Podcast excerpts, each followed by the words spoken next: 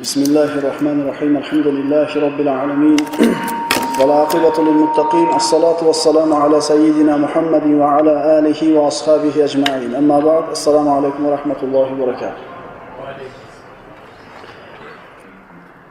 Xolid bayrog'ini silkitdi, bayrog'ini tikka bo'lganligini ko'rgan, bayroqni ko'tarilganligini ko'rgan, tarqab ketgan musulmonlar yana bayroq atrofida jamlanishdi. Abu Rofi roziyallohu anhu aytadi, shunday bir qattiq jang bo'ldiki, musulmonlarning mag'lubiyati avval ham bundan keyin, avval ham keyin ham bunday bo'lgan emas. Ikkita musulmon birlamas edi deydi. Shunday musulmonlar har tarafga tirqirab qochib turgan paytda Xolid roziyallohu anhu baland bayroqni baland ko'tardi, silkitdi. Musulmonlar yig'ilishdi. Mana shu qisqa fursatda ichida Xolid roziyallohu anhu kerakli barcha bir buyruqlarni, ko'rsatmalarni berdi. Tarqab qochib ketgan qo'shinni bir pasda tartibga kelib qo'ydi. Va hamma tartibga kelganidan keyin Xolid roziyallohu anhu hujumga o'tishlikka buyurdi. Rum va G'assonliklar, mushuklar qo'shini biz yengdik deb xotirjam bo'lib turgan edi. Endi 3000 adadi bor. 200 mingga qarshi turibdi. Bo'ldi, endi jang tugadi deb turganida qisqagina fursatda musulmon qo'shini o'zini o'nglab oldi va Xolidning buyrug'iga muvofiq hujumga o'tdi. Rumliklar hayron bo'lishdi. Musulmonlar shunday bir shiddat bilan yangi amiri boshchiligida hujumga o'tishdiki, endi Rumliklarda orasida qatl ko'payishni boshlandi. Payg'ambarimiz sollallohu alayhi vasallam mana shu paytda Madina Munavvarada turib sahobalarga aytib berardi. 3-marta bayroq yiqilgandan keyin payg'ambarimiz indamasdan qolgan edi. Chunki hech kim ko'tarmagan edi. Musulmonlar ham bir hayron holatda turar edi. Shunda payg'ambarimiz aytdilar: "Hatta hamalar roya sayfun min suyufillah. Al-an hamalal watis." Allohning qilichlaridan bo'lgan bir qilich bayroqni ko'tardi. Allohning qilichlaridan bir qilich qo'lga o'tdi dedi. Mana endi jang boshlandi dedi. Mana shu 7-kuni bo'lgan jang avvalgi 6 kundan farqi bor edi. Musulmonlar va Rum o'rtasida kun botgunga qadar yana shiddatli jang davom etdi. Kun botguncha urushdi. Endi 7-kechaga o'tildi. Xolid ibn Valid bayroqni oldi. Tuni bilan uxlamasdan, tinmasdan ertangi kun bo'ladigan jangning rejasini tuzdi. Xolid nima qildi? Xolid roziyallohu anhu aytdik mana jangda nihoyatda bir mohir kishi edi. Kechasi bilan qilgan ishlari birinchidan qo'shinni o'ng tomonida jang qilayotganlarni chop tomonga almashtirdi. Chop tomondagilarni o'ng tomonga oldi. Oldilarda o'rtaga, o'rtadagini orqaga. Xullas 5 ga bo'lingan qo'shinni o'rinlarni almashtirdi. Hamda bayroqlarni o'rnini almashtirdi. Tong otdi. Ya'ni o'ylang 6 kundan beri jang qilaverib, dushman bir-birini ko'rib, kiyimiga, alomatlariga qarab tanib qolgan edi. Kunda 6 kun tinimsiz jang qilgandan keyin bir-birini tanib qolgandi alomatlari bilan. Rumliklar qarasa, ro'parasida yangi odamlar turibdi. Bayroqlar boshqa. Bu tomondagilar qarasa, u tomondagilar ham almashgan. Bularga madad kelib shekilli. Uch mingtasiga kuchimiz yetmayotgandi. Endi bularga madad keldi. Endi nima bo'ladi deb xavotirga kirishdi. Yana Xolid ibn Valid tuni bilan jang rejasini tuzar ekan, bir to'p otliqlarga alohida vazifa berdi. Ularni Madina tomonga qarab ketinglar dedi. Biz ko'rmaylik sizlar ham bizni ko'rmanglar. Ularni jo'natib yubordi. Tong otdi. Hozirgi aytganimizdek Rumliklar ro'parasida turgan kishilar bilan boshqa kishilar ekanligini ko'rib, musulmonlarga madad kelibdi deb xavotirga tushdi. Yana qaytarib aytaman, 3000 ta odamni hech narsa qilolmayotgandik. Yana madad keldim bularga. Ular haqiqatdan xavotirga kirishdi. Ular shunday xavotirda turganida kecha tuni Xolid ibn Valid yuborgan otliqlarning bir jamoasi nahotda bir yurganda chang ko'tariladigan tomondan bir jamoa dunyoni bir changga to'ldirib takbir aytib kelib qo'shinga qo'shildi. Rumliklar qarasa orqadan madad kelyapti. Yana ozgina vaqt o'tgandan keyin yana bir jamoa xuddi o'sha chang yo'ldan yana changni osmonga ko'tarib takbir aytib baland ovoz bilan qo'shinga kelib qo'shildi. Ozginadan keyin yana, ozginadan keyin yana tinimsiz orqadan madad kelganga o'xshab ko'rindi. Bu albatta bu kelayotganlar ozgina kechagi askarlar edi. Lekin changni ko'tarilganligi bilan, takbirni balandligi bilan Rumliklarning nazarida madad ketidan madad kelayotgan edi. Bu kelayotgan jamoa qo'shin musulmonga qo'shilib takbir aytdi, qo'shin ularga qo'shilib takbir aytdi. Rum qalbi qo'rquvga to'ldi. Shunda Xolid ibn Valid roziyallohu anhu hujum qilishlikka buyurdi. Bu kungi jang avvalgi kunlarda jangdan albatta katta farqli edi. Eng og'ir jang Mota jangida 7 kun bo'ldi. Abu rofiy roziyallohu anhu aytadi: Allohga qasam, mana shu kundan avval ham, keyin ham hayotimda bunday shiddatli jangni ko'rmaganman. Qanday og'ir jang bo'ldi? Mana Sahih Buxoriyda keltirilgan hadisga murojaat qilamiz. Mana shu hadisdan bu jang qanchalik qattiq bo'lganligini bilib olishimiz mumkin. Xolid ibn Valid roziyallohu anhu birodarlar nihoyatda bir mohir jangchi bo'lgan. Baland bo'yli bo'lgan va ikkita qo'lida qilich bilan jang qila olgan. Zubayr ibn al-Avvom bu Xolid ibn Validgina ikkita qilich bilan jang qila oladi. Odamlar bitta qilich bilan zo'rg'a jang qiladi. Bu kishi mohir edi. Baland bo'yligida otni ustida o'tirsa, oyog'i yerga tegay deb turar edi. Faraz qiling mana shunday bir uzun bo'yli kishini ikkita qilich bilan jang qilishligini. Otni esa oyog'i bilan boshqaradi. Sahih Buxoriyda keltirilgan hadis Xolid ibn Valid aytadi. Mu'ta kunida, ya'ni 7-kunida, Mu'ta kunida qo'limda 9 ta qilich sinib ketdi. Odamlarni boshiga urib, ikkita qilichda jang qiladigan kishini shunday bir mohir jangchini qo'lida 9 ta qilich sindi. Endi faraz qiling jang qanday qattiq bo'ldi. Jang shunday bir shiddatli tus oldiki, musulmonlarni qilayotgan hujumi yana mushriklarni qarab turganda xuddi musulmonlarga madad kelayotgandek bo'lib turishligi ularni ruhiy holatini tushirgan edi. Va musulmonlar shijoat ko'rsatishdi, Rum va G'asson mag'lub bo'lganligini ko'ra boshladi. Rumliklar orqaga chekinishni boshladi. Musulmonlar oldiga bir ildam, shahdan bir hujumga zo'r berishib, podshohni turgan joygacha yetib kelishdi. Fyodorni oldigacha. Bu qo'shinni Rum va G'assoniylarning qo'shini Xiraqning ukasi Fyodor boshqarar edi. Musulmonlar uni shiddatli hujumi bilan Fyodorni oldigacha kelishdi. Shunda Rumliklar hayron bo'lishdi. 200 ming askar bilan 3 mingta odamga kuchi yetmay turuvdi, endi madad keldi. Ular haqiqatan ruhi tushib ketgan edi. Rumliklar mag'lubiyatni ko'rishdi, chekinishni boshlashdi. Rumliklar 200 ming askar bilan mag'lub bo'ldi, Xolid ibn validni qilgan hiylasi bilan orqaga qarab qochishni boshladi. Hujum mana shunday shiddatli davom etar ekan, Xolid ibn Valid roziyallohu anhu ilgari qarab ketayotgan musulmon qo'shiniga to'xtanglar dedi. Ortinglarga qaytinglar dedi. Musulmonlar hayron bo'lishdi. Oxirgacha yetib borish mumkin. Lekin Xolid ibn Valid amir qo'shin to'xtadi, zudlik bilan chekindi. Bu yerda rumliklar qochib ketyapti tirqalab har tomonga. Musulmonlar esa chekinyapti. Bu narsani ko'rgan rumliklar bu hiyla deyishdi. Bu pistirma deyishdi. Chunki orqaga qarab chekinsa, biz orqasidan borsak, pistirmasi bo'lsa biz ikki tomondan urib yengib qo'yadi. Fyodor buyruq berdi. Hech kim ularni ta'qib qilmasin. Bu pistirma, bu hiyla. Xolid ibn Valid esa chekinaverdi. Xuddi dushmanni kelishini kutayotgan qo'shindek chekinaverdi, chekinaverdi. Madinaga yetib keldi. Fyodor esa qo'shinini jilmaslikka buyurishib turdi. Ancha vaqt o'tgandan keyin musulmonlardan darak bo'lmaganligini ko'rib, Rumliklar odam yubordi. Musulmonlar bu vaqtda Madinaga yetib kelgan edi. Tarixda, tarixda Xolid ibn Valid qilgan mana shunday bir chekinish rejasi avval ham bo'lgan emas, keyin ham bo'lgan emas. Qo'shin chekinayotganda qo'shin eng bir talofatni katta ko'radigan holati. Chekinishlikda juda ko'p hasorat, juda bir ziyonlar talofat yetadi. Lekin Xolid ibn Valid qo'shinini agar jangda ushlab turaversa 200 ming edi ular. Musulmonlar tamomiy hammasi qirilib ketar edi. Mana shu chekinishlikda birorta musulmon qatl qilinmadi. Va bunday chekinishlik, qo'shinni sog' olib chiqib ketishlik avval ham bo'lgan emas, qaytarib aytamiz. Keyin ham islom tarixida bunday bir chekinish bo'lgan emas.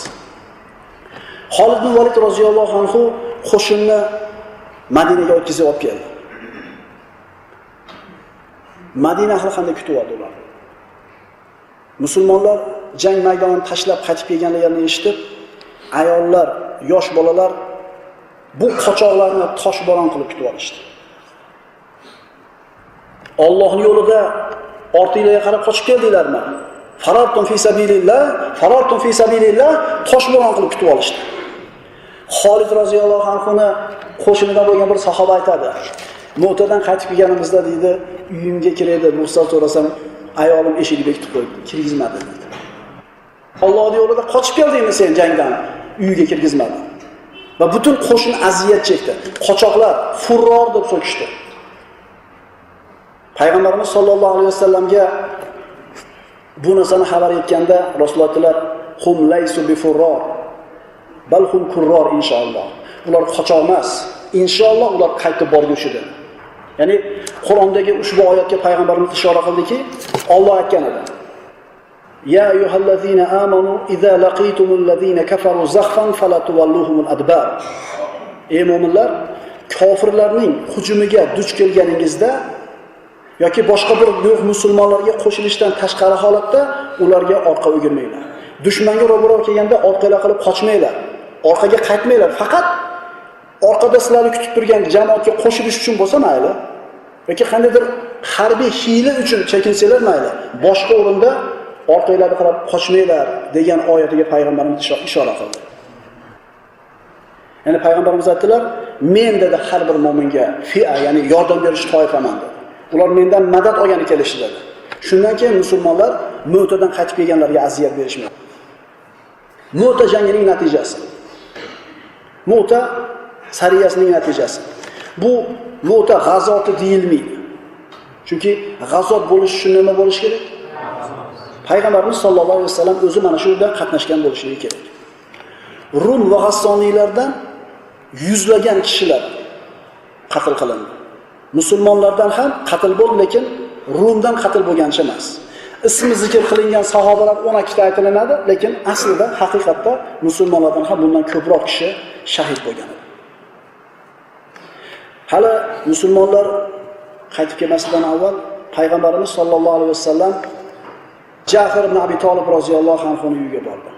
Ja'far payg'ambarimizni amakisi Abu tolibni o'g'li edi.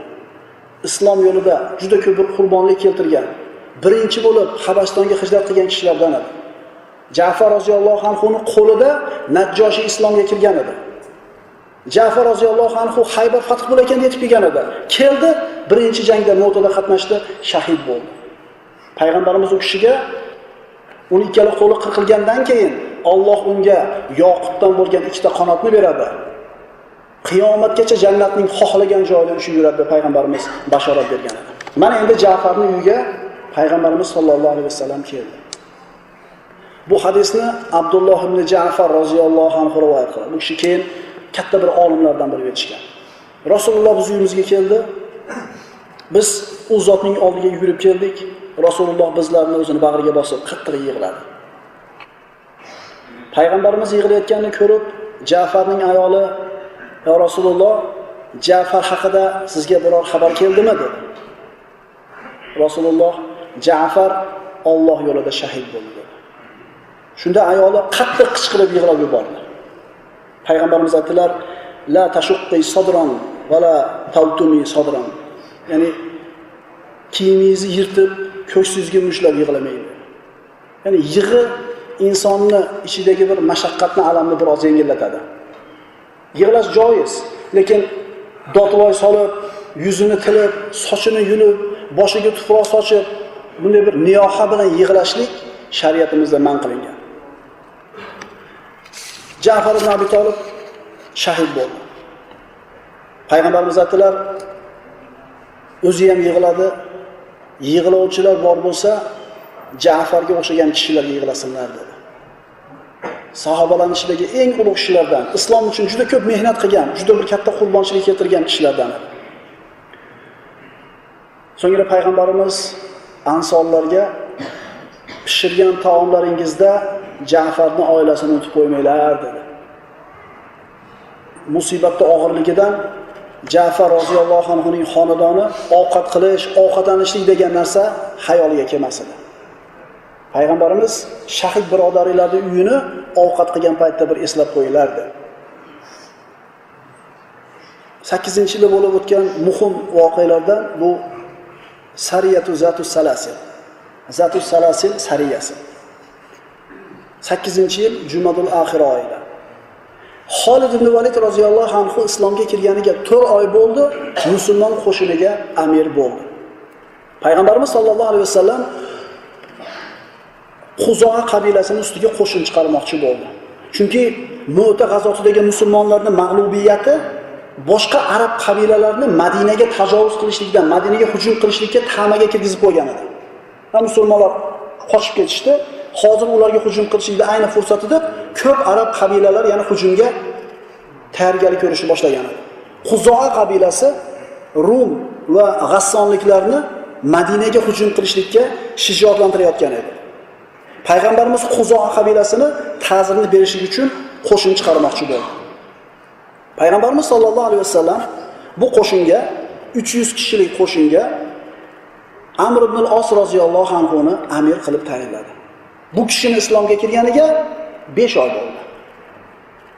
Usmon ibn Talha, Xolid ibn Valid hamda Amr ibn os uchalasi teng kelib Madinada iymon keltirgan edi, eslasanglar. Endi Xolid 4 oyda amir bo'lyapti, Amr ibn os 5 oyda. Payg'ambarimiz sollallohu alayhi vasallam Amr ibn al-Osni chaqirdida, "Men sizni bu qo'shinga amir qilib tayinlamoqchiman. G'anima o'lja olasiz, yana ajriga ega bo'lasiz." Ya'ni ham topasiz, qo'lingizga bir mablag' ham tushadi dedi. Amr ibn al-Os aytdiki, yo Rasululloh, men moli dunyoga qiziqib iymonga kelganim yo'q" dedi. Ya'ni menga bu narsa kerak emas dedi. Payg'ambarimiz aytdilar, "Ni'mal malus solih li rajulin solih." Ya'ni yaxshi kishining qo'lidagi mol yaxshi mol dedi. Solih kishi bo'ladigan bo'lsa, uning qo'lida mol bo'lgani yaxshi. Yaxshilikka ishlatadi. Endi yomon odamning qo'lida mol bo'ladigan bo'lsa, bu zarar yetkazadigan mol bo'ladi. Payg'ambarimiz sollallohu alayhi vasallamni qilgan ishlaridan, fe'llaridan biz juda ko'p narsani o'rganamiz. 5 oy bo'libdi islomga kirganiga Amr osdi uch yuz 300 kishilik qo'shinga amir qildida, bu qo'shinni ichida oddiy askar bo'lgan odamlarni qarang. Abu Bakr Siddiq, Sa'd ibn Abi vaqqos Usayd ibn Huzayr, Sa'd ibn Uboda. Eng ulug' kibor sahobalarni oddiy askar qilib, kecha islomga kirgan Amr ibn osni amir qilyapti. Demak, bu vazifa ish tayinlanishlikda kim avvalroq kelganu kim keyinroq kelgan emas muhimi. Muhimi qaysinisi shu ishni qilishlikka qudrati mahorati ko'proq. Ana payg'ambarimizni tutgan tutmishidan shu narsani o'rganaylik. Endi kattada ancha yo'q mana yangi keldi undan ko'ra mohirroq. Mana odam shu ishni qilishlikda undan ustaroq mashinga beriladi.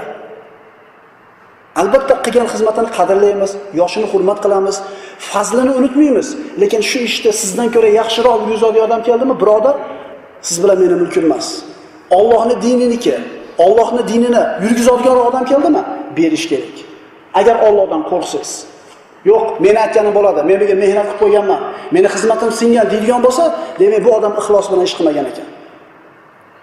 Demak, gapingizni o'tkazish uchun xizmat qilgan ekansiz bu yerga. Gapingiz o'tadi, ajringizni dunyoda olasiz, oxiratda sizga hech narsa bo'lmaydi. Mana shunday bir ulug' kishilarni payg'ambarimiz Amr ibn al-Osni qo'shinida oddiy askar qilib berdi. Amr ibn al-Os u kishiga topshirilgan ishni a'lo darajada o'tadi. Qo'shinni kunduzi yurgizmasdan yashirib kechasi yurgizdi. Mana shunday qilib quzo qabilasi yashaydigan joyga yaqin masofaga kelishdi. quzo qabilasi juda bir katta adadiy qabilalardan katta qo'shinni tayyorgarlik ko'rayotgan edi. Agar musulmonlar kelganini bilib qoladigan bo'lsa, musulmonlarni mag'lub bo'lishi aniq edi. Minglagan askari bor edi. Bular esa bor yo'g'i 300 kishi bilan kelgan edi. Quzoa qabilasi haqida xabar olgan Amr ibn os odam jo'natdi. Ularni adadi katta ekanligini bilib kelishdi. Amr ibn os Madinaga payg'ambarimizga madad so'rab odam yubordi. Payg'ambarimiz madad qo'shinini to'plab, ularga boshliq qilib Abu Ubaydani amir qildi. Jo'natyapti, yetib borasiz, Amr bilan talashmang dedi. Amr bilan ixtilof qilmang dedi. Abu Ubayda kim? Abu Ubayda aminu hadihil umma. Bu ummatning eng ishonchli kishisi edi. Mana shu kishi madad bo'lib ketdi. Madad orasida, qo'shin orasida Umar ibn Xattob roziyallohu anhu ham birga bordi. Hali huzoga hujum qilmasdan turib, Amr ibn al-Os Abu Ubayda yetib bordi. Namoz vaqti bo'ldi. Abu Ubayda imomga o'tmoqchi bo'lganida Amr ibn os aytdi, "Men" dedi amirman dedi. "Sen menga madad bo'lib kelding" dedi. "Men imomga o'taman" dedi. 5 oy bo'ldi islom kirganiga Abu Ubayda Amr ibn osga mayli o'taver dedi. Rasululloh menga sen bilan ixtilof qilmasligini buyurgan, buyurgan. O'tdi. Bu sariyada barcha kibor sahobalar Amr ibn Osning itoatida bo'ldi. Kechalar kufrni boshlig'i bo'lgan Amr endi kibor sahobalar ustida amir bo'lib turibdi. Musulmonlar itoat qilyapti. Tong otganda hujum qilinadigan kechada juda sovuq qattiq bo'ldi. Amr ibn al-Os, birodarlar, sahroni sovug'i nihoyatda qattiq bo'ladi. Hech kim o't yoqmasin dedi. Chunki tunda kelishdi, agar o't yoqsa ko'rinib qoladi. Hech kim o't yoqmasin dedi. Odamlar rosa qiylanishdi, lekin itoat qilishdi. Umar ibn Hattob roziyallohu anhu g'azablanib keldida, "Ey Amr" dedi. Odamlarni qiynab qo'yding dedi. O't yoqishlariga ruxsat ber. Vallohi hech kim o't yoqmaydi. Umar roziyallohu anhu g'azablandi, lekin itoat qildi. bomdod namozi keldi. Qarab turishsa Amr ibn al-As chiqib tayammum qilyapti. Umar ibn Hattob kelib, "Nimaga tayammum qilyapsan?" Junubga yetibdi menga. "Suv bor" dedi. "Yuvin" dedi. yuvinmayman dedi. "Nimaga yuvinmaysan "Sovuq" dedi. yuvinmadi Tayammum holida yana imomga o'tib ketdi. Ya'ni 500 taga yaqin odam tahoratli turibdi, tayammum qilgan Amr ibn os imomiga o'tib ketdi. Umar ibn hattob g'azablandida maslahatlashgan Abu bakrni oldiga kelib, Amrni nima qilayotganini ko'ryapsizmi? xohlaganini qilaveradimi dedi. Odamlarni qiynadi. Bu yangi musulmon, bizni dinimizni hamma ishlarini bilavermaydi deb noroziligini bildirganida Abu bakrni so'zini ko'ring. Ey Umar, agar Amr bu ishga sendan ko'ra loyiqroq bo'lmaganida Rasululloh uni seni ustingga amir qilib tayinlamagan bo'lardi dedi. Abu Bakr Siddiq roziyallohu anhu tamomiy Rasulullohni itoatida bo'lgan va har qanday buyrug'iga ikkilanmasdan bo'ysungan kishi. Abu Bakr Siddiq roziyallohu anhu shu so'zni aytgandan keyin Umar ibn Hattob sukut qilib rozi bo'lishiga boshqa chora topadi. Tong otdi, Amr ibn al-Os hujumga buyurdi. Xuzoliklar adadi katta bo'lgani bilan bu hujumga tayyor emas edi. Ular g'aflatda qolishgan edi. Ularni josuslari, josuslari xabar olib kelishmagan edi. Dushmanga hujum qilindi, Xuzo qabilasi qochib ketdi. Ularni quvib ketar ekan, Amr ibn al-Os to'xtanglar dedi. To'xtanglar dedi, qaytinglar dedi. Yana norozi bo'ldi sahobalar. Ha quvib oxirigacha yetkazib qo'ymaymizmi? Hammasini asr olmaymizmi dedi. To'xta qayt orqangga dedi. Qo'shni itoat qildi, Xuzo yeriga qaytib kelishdi. Xuzoda bor bo'lgan nima bo'lsa, o'lja qilib olib Madinaga qaytib kelishdi. Ko'ringlar, Umar ibn Hattob norozi, lekin Rasululloh amir deb tayinladimi? Itoat qilyapti. Shikoyatni Madinaga kelganda qilishdi. Kecha musulmon bo'lgan amirni amirligidan hamma norozi bo'lib payg'ambarimizga endi shikoyat qilyapti. Amr ibn osti chaqirib turib payg'ambarimiz "Ey amir dedi. "Nimaga odamlarga o't yoqtirmadingiz?" dedi. "Aziyat beribsiz." Rasululloh dedi. bizni adadimiz oz edi. Quzoa va uni orqasidagilarda adadi minglagan odamlar edi. Agar biz olov yoqqanimizda bizni kelganimizni bilib qolishar edida bizni qirib tashlagan bo'lardi." Daholardan deb aytganmiz Amr ibn Osni. To'g'ri aytdingiz dedi. Nimaga suv bo'lib turib yuvinmasdan tayammum qildingiz? Yo Rasululloh, sovuq qattiq edi. Agar yuvsam o'lib qolardim dedi. Axir Alloh aytmaganmi? Innalloha kana bikum.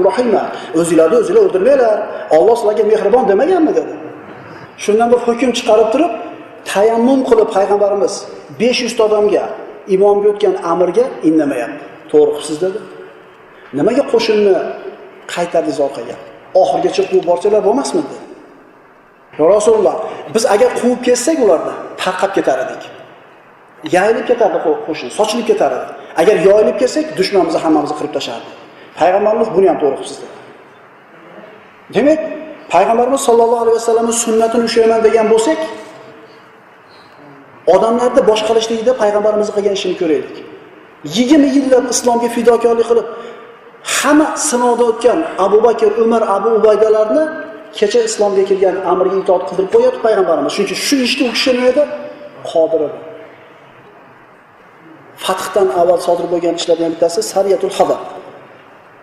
Payg'ambarimiz sollallohu alayhi vasallam 8-yilning Rajab oyida Abu Ubayda roziyallohu anhu ni boshliq qilib 300 kishilik qo'shini Juhayna qabilasi ustiga yubordi. Rajab oyida jang bo'lmadi, chunki Rajab oyi harom qilingan oylardan Rajab oyidan keyin Sha'bon oyida jang bo'ldi. Bu qo'shin chiqib ketarkan bor yo'g'i ikkita tuyasi bor edi minadigan. Shuncha jang, shuncha futuhotlar bo'lgani bilan musulmonlar hali boy emas edi. Faqir edi. Qo'shin hali dushmanga yetib bormasdan oziq osti tugab qoldilar. Yegan hech narsasi qolmadi. Qaranglar, och qorin bilan shuncha bir fathlarni qilyapti sahobalar. Qo'shin orasida Qays ibn Sa'd ibn Uboda roziyallohu anhu bor edi. Qays roziyallohu anhu bu kishi Ansorlarning sayidi Sa'd ibn Ubodaning o'g'li. U kishi karim, saxovatli kishilardan bo'lgan edi. musulmonlarni bunday och qolganligini ko'rib, biror bir ish qilmoqchi bo'ldi, lekin qo'lida puli yo'q. Qo'shin ketayotganda bir arobiy tuyalarni boqib yurgan ekan. Arobiyni chaqirdida, tuyalaringni menga sotmaysanmi? Mayli sotaman dedi. Qays aytdi, faqat meni hozir molim yo'q dedi. Qaytib borganimizda Madinaning xurmolaridan beraman senga. Arobiy aytdi, kim kafil bo'ladi sen menga mollarimni qaytarib berishingga? Sen kimsan? Dedi, men Qays ibn Sa'd ibn Ubodaman dedi. Men nasabli kishi, nasabli kishini bolasi. Madinaning sayyidlaridan. Rozi bo'ldi. Madinaga borganda xurmolarni berishlik sharti bilan 5 ta tuyasini sotib oldi. Sahobalar guvoh bo'lishdi. Guvoh bo'lganlar ichida Umar ibn Xattob bor edi yana. Umar ibn Xattob Arobiga borib turib, "Ey Arobiy" dedi, "Bunga tuya sotma" dedi. Buni puli yo'q dedi. Bu otasining pulidan senga beraman deyapti. O'zining hech narsasi yo'q, bu faqir dedi. Qarang, Qays roziyallohu anhu kimga olyapti bu tuyani? Bu Qays roziyallohu anhu mana shu Umar ibn Xattobga va boshqa sahobalarga o'zini bo'liga qazo olyapti. Bunga sotma deydi. Otasini pulidan senga va'da qilyapti, o'zining hech narsasi yo'q deganida Arobiy aytdiki, farzandini qarzini uzmaydi deb o'ylamayman otasini deb berdi. Tuyani olib bordi, bittasini so'yib berdi. Ertasi kuni bittasini so'yib berdi, uchinchi kuni bittasini so'yib berdi. Umar ibn hattob Abu ubaydani oldiga keldi. Qaysni nima qilayotganini ko'rdingizmi? O'zini o'ziniki bo'lmagan puldan olyapti deganda Abu Ubayda u kishini bu ishdan qaytardi. Mana shunday qilib ular oziqlanishdi Musulmonlar shunday ketib borar ekan, bu Juhayna bilan jang bo'lmadi. Shu mintaqaga joylashdi, shu yerdagi qabilalarni ta'zirni berdi musulmonlar. Ular mana shunday turar ekan, uzoqda dengizni bo'yida bir juda bir katta bir qora narsani sharpasini ko'rishdi. Nima ekanda borishganida Alloh taolo musulmonlarga bir yengillik qilgan edi. Dengizdan sohilga juda katta bir kitni chiqarib qo'ygandi Alloh taolo. Bu kit shunaqa katta ediki, Abu Ubayda roziyallohu anhu kitni hajmini o'lchashlik uchun 5 ta sahobaga kitni ko'ziga o'tiringlar dedi. 5 ta odam turib baliqni ko'ziga o'tirdi, beshalasi ham sig'di. Ko'zi shunchalik katta edi. Baliqni bir kattaligini o'lchashni maqsadida ikkita qovog'i suyagini oldi, ikkalasini tikka qilib qovus yasadi. Hamda qo'shinining ichida eng uzun odam kim? Qarodi, Qays ibn Sa'd ibn Ubod ekan. Qaysni otni ustiga tika turishlikka buyurdi. tika turdi ot ustida. Va otni Qays tika turgan holda ana shu ikkita suyagi taydan olib o'tdi, Qays engishmadi. Ana shu ikkita qovurg'asini tikka qilganda otda turgan odam engishmasdi. Alloh taolo shunday bir yengillik qilib ular Allohning qo'shinida birodarlar. Alloh taolo ularni ishini o'zi yengil qildi. Bir oy shu yerda turishdi. Bir oy ichida mana shu baliqni yog'idan, go'shtidan yeb ozuqalanishdi. Hamda Madinaga qaytib kelayotganlarida bu yog'dan o'zlaridan olib borishdi. Payg'ambarimiz sollallohu alayhi vasallamga bo'lgan ishlarni aytib, kitni xabarni berganida payg'ambarimiz undan biror narsa qoldimi dedi. berishdi payg'ambarimiz sollallohu alayhi vasallam ham yedi mana shundan ma'lum bo'ladiki dengizni o'riksasi halol bo'lar ekan inshaalloh keyingi darsga makka fathiga sabab bo'lgan voqea haqida suhbat qilgan bo'lamiz. Aqulu qawli hada va astag'firulloh li va lakum. Assalomu alaykum va rahmatullohi va barakatuh.